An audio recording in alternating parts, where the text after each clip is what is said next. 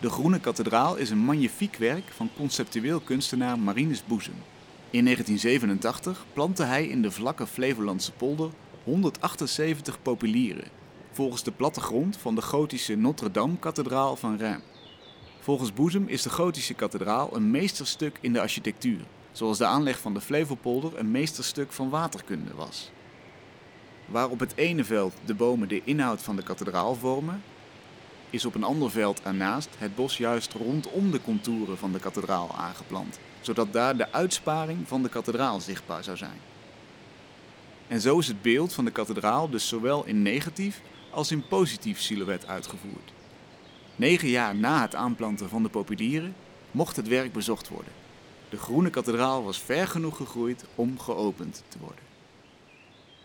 Bij mij zit Marijke Jansen. Zij was vele jaren projectleider beeldende kunst in de openbare ruimte in Amsterdam. Het lichtkunstwerk van Domtoren en Domkerk te Utrecht. En ze schrijft over kunst in openbare ruimte. Ze is bovendien gids in Almere stad en langs de landschapskunstwerken. En buitengewoon ambtenaar van de burgerlijke stand. Ja, zo moeten we het zeggen. De Babs. Welkom Marijke. Ja, dank Dat wel. betekent dat je dus ook mensen trouwt daar. Hè? Daar gaan Ja. we het zo over hebben, hoe dat er eh, dan bij ligt, die Groene Kathedraal, en hoe dat in zijn werk gaat. Maar eerst voor je werk als gids. Hoe, wat vertel je aan mensen die daar rondlopen? Wat moeten zij echt weten van die Groene Kathedraal? Nou, ze moeten natuurlijk de ins en outs weten van de achtergrond eh, waartoe Marinus Boezem gekomen is om dit te ontwerpen. Dus ook zijn werk daarvoor, hè, want hij is altijd geïnteresseerd in gotische eh, werken. Iets over de kathedraal van Reims in Noord-Frankrijk. Het is toch een kathedraal van eh, meer dan 800 jaar oud. En dat moet je je ook eens even realiseren wat dat betekent, hè, dat zo'n kunstwerk daar nog steeds staat. En hoe dat kunstwerk in Almere dan is gegroeid. Want het is een gotisch groeikunstwerk, wat nu na zo'n 40 jaar zijn eigenlijke hoogte heeft bereikt. Met daarbij weer een negatief element, dat ze in feite ook hun levensduur hebben bereikt en nu zo'n beetje kunnen gaan omvallen. De populieren heb je nu De over. populieren, Ja, daar heb ik het over. Ja. Dus over de Groene Kathedraal. Ja. En eh, nou, tijdens de stormen van de afgelopen jaren, ja, dan begint af en toe wel wat takken los te laten en een boom om te vallen die daar moet worden afgezaagd. Eh, en dat houdt in, wat ga je dan doen? Want van oorsprong was het idee van eh Boezem om alles wat dan omviel daar te laten staan. Of laten liggen eigenlijk Kathedraal in verval de eigenlijk ook. kathedraal in verval. Maar dat houdt dan weer in, dan kan je er weer niet met mensen naartoe, want dan kan je ook niet maaien en dan wordt het eigenlijk een gevaarlijke situatie om daar rond te lopen. Want als je op locatie bent, moet je niet om die kathedraal heen lopen. Dan ervaar je wel wat, maar je moet er doorheen. Van voren, via die eh, marmeren plaat die daar ligt, die in feite de contouren ook aangeven, dan moet je het gevoel hebben alsof je door de bronzen deuren van de oorspronkelijke kathedraal naar binnen loopt. En dan loop, kijk je naar boven, waar je in feite dan de kruisgewelven zou moeten zien, maar die liggen dan hier op de grond. En zo vertel je het verhaal. Maar als die bomen gaan eh, neerstorten, dan kan dat niet meer. Nee. Dus nu wordt er een eh, plan opgesteld in overleg met Boezem, dik in de tachtig inmiddels, eh, maar nog steeds eh, bij de tijd, hoop ik, om te bekijken wat hij nu wil. Want na 40 jaar zal ook zijn idee wel bijgesteld kunnen zijn. Wat is jouw lievelingsplek in die populiere kathedraal? Nou, eigenlijk vanaf die bronzen plaat, ah, nou, de, de marmeren plaat die de bronzen deuren moet verbeelden. Want dan kan je zo'n hele kathedraal zien, kan je vertellen over de zuilen, eh, de bomen dus, eh, dat daar van die cirkels omheen lagen, waar dan de schelpen weer in zitten. Die bomen die, die verbeelden in feite de zuilen van de kathedraal. En die schelpen die eromheen lagen, dat verwijst eigenlijk weer naar de, de, de Zuiderzee van vroeger. Zoals hij er vroeger heeft gelegen. Zoals die er vroeger was. Maar die, er zijn geen eh, schelpen meer te vinden. Hoewel ik een keer met... Hoezo eh, zijn er geen schelpen meer te vinden? Oh, schelpen liggen rondom, rondom die... Ik zal even kijken of ik daar nog een plaatje van bij Kijk, heb. goed. Je hebt je eigen beeldbank bij Ja, hè? ja, ik heb mijn eigen ja, beeld. ja. Nou, dit is dan een beetje een slechte kopie. Ik weet niet of jullie kunnen... Hier zie je dan zo'n boom. En dan daaromheen zo'n cirkel. En in die cirkel lag dan in feite van oorsprong schelpen. Ja, Wat dan die verwijzing naar de zee gaf. maar die zijn weggehaald door mensen. Nou, weggehaald, dat, dat verregend. Maar ik was een keer met een school ja, uit, eh uit Ronte, geloof ik. En ik vertelde het ook aan die kinderen. Komt er zo'n meisje met een schelp aan zich? Ik was helemaal verbaasd. Ik zeg, nou, die moet je goed bewaren, want dat is, dat is heel bijzonder dat je die nog vindt. Maar in feite zijn ze weg. Dat is wel jammer. Dus eigenlijk de grandeur van die kathedraal, als je dat ziet, dat moment vind jij het mooist. Als je Ja, dat eigenlijk vind ik als het mooiste. Dan heb je die lengte. Het is wel 150 meter. Hè? Maar wat ik ook altijd tegen mensen, je moet goed kijken in de lengte, opzij en vooral ook naar boven en er doorheen lopen. Daarna maak je de, de afslag richting de negatieve kathedraal. En dan gaan we daar dan ook omheen lopen. Ja, of niet omheen, we gaan er ook in. En dan vraag ik, wat, wat voel je nou? En dan he- hebben ze altijd het idee dat het veel en veel groter is. En eigenlijk is dat hetzelfde verhaal bij alle kunstwerken die we dan op zo'n dag eh, afgaan. Zodra je dichterbij komt of verder weg komt, dan is ineens de verhouding anders. Dus elke keer wordt er iets in je hersenen getriggerd, waardoor je op een verkeerd been gezet wordt. En ja, dat vind ik ook leuk om ze dat te laten ervaren. Terwijl het precies dezelfde plattegrond Terwijl is. het precies hetzelfde is. Ja. Het is Precies dezelfde maat. Alleen het voelt totaal anders. Jij bent buitengewoon ambtenaar van de burgerlijke stand. En eh, in die hoedanigheid heb je ook iemand is getrouwd daar, een stel.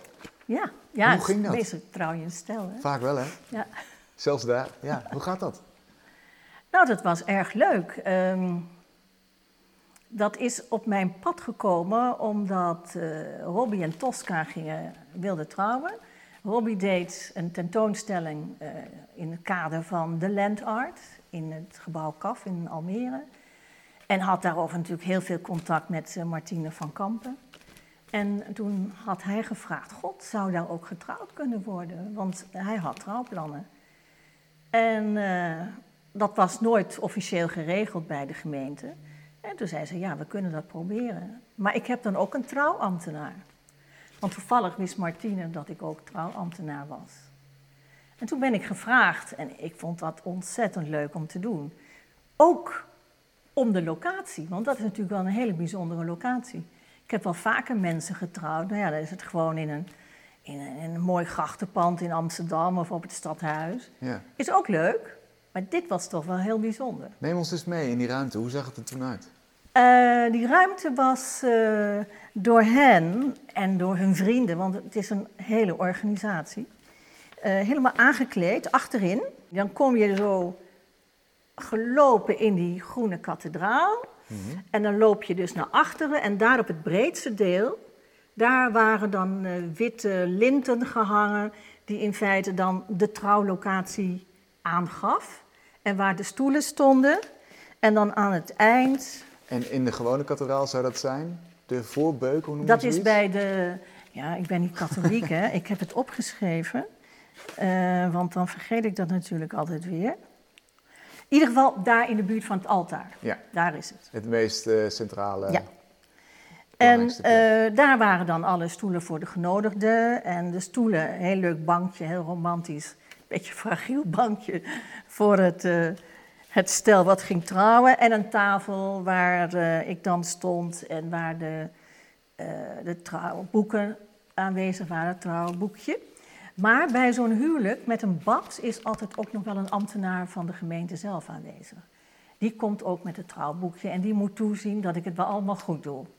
Hoe en was in de juiste vorm. Het lijkt me heel bijzonder. Nou, ten eerste, je begint al met mooi weer. Dat is natuurlijk, dat kan je niet afdwingen, dat moet je gewoon eh, geluk hebben. Eh, iedereen is natuurlijk opgewonden, dat geeft al een bepaalde sfeer. Ehm, maar ook al de, het pad er naartoe, vanaf de plek waar de auto's geparkeerd kunnen worden, was al helemaal aangegeven. Dat hadden vrienden van hen gedaan met, eh, als ik het even oneerbiedig zeg, lollystokjes op- in de grond. Maar in plaats van een lolly was daar een hartje op geplakt. En zo had je een heel pad helemaal naar eh, de voorkant van de kerk. En dan moest je dan daar naar binnen lopen. En daar kwamen zij dan uh, aangeschreden, zal ik maar zeggen. Schitterend, allebei in en, wit. Uh, allebei in het wit, hij in wat crème, zij in het wit. Ja, en ja, iedereen natuurlijk omkijken en, en ja, enthousiast. En het is ook omdat het zo in het groen is en met mooi weer is het zo uh, sprookjesachtig. Ik denk dat het voor hen, ik vond het leuk, maar ik denk dat het voor hen een hele bijzondere dag was. Zoals natuurlijk elke trouwerij bijzonder is, maar op zo'n locatie misschien nog wel echter. Ja, geweldig verhaal. Inderdaad, sprookjesachtig, zo ziet het eruit eigenlijk. Om in, om in, ja, in, in, en dan, uh, dan zit je met een probleem, want uh, er is geen elektra. Dus je moet van alles verzorgen. Hè. Dat gaat niet alleen over uh, je tent, waar als het slecht weer mocht zijn, dat was dan gepland op de negatieve kathedraal, dan had het daar moeten plaatsvinden. Maar je moet ook elektra hebben en je moet natuurlijk toiletten hebben. Ook dat moet allemaal georganiseerd worden. Is allemaal geregeld, dus, dus dat, dat, is allemaal Dat is gekomen. allemaal door hen geregeld. Kun je vertellen voor iedereen die nog niet in de Groene Kathedraal geweest is, waarom het zo'n bijzonder werk is? Waarom zou je nu in de auto moeten stappen en er naartoe moeten gaan?